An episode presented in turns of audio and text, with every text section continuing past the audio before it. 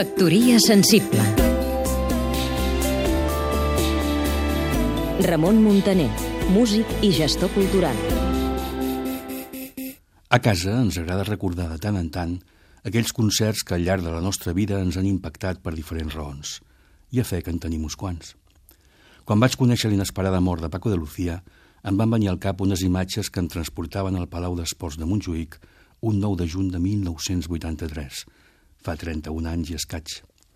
Aquella nit es produïa un concert molt especial – Tres grans músics, guitarristes, compositors es reunien per compartir una nit de força, de màgia i de creativitat, com poques vegades havia vist dalt d'un escenari.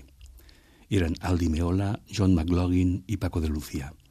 Tres grans mestres, amb tres personalitats i orígens musicals ben diferents, que eren capaços de disfrutar enormement tocant junts a l'escenari i transmetre-ho d'una manera brillant a tots els que els escoltàvem. Un americà d'origen italià, un anglès enamorat de la música índia i del flamenc i un autèntic flamenc nascut a Càdiz, compositor i virtuós de la guitarra. Tots tres oberts i amb ganes de compartir i aprendre contínuament. De fet, aquell no era un concert de flamenc, ni de jazz, ni de rock, ni tan sols d'allò que s'anomenava fusió de músiques. Era, en paraules del propi Paco, una trobada, una barreja, una fusió de músics en primera persona. A l'Àfrica diuen que quan es mora un vell és com si es cremés una biblioteca.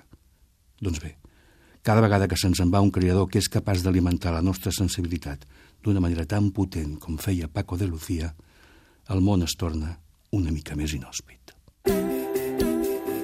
Factoria sensible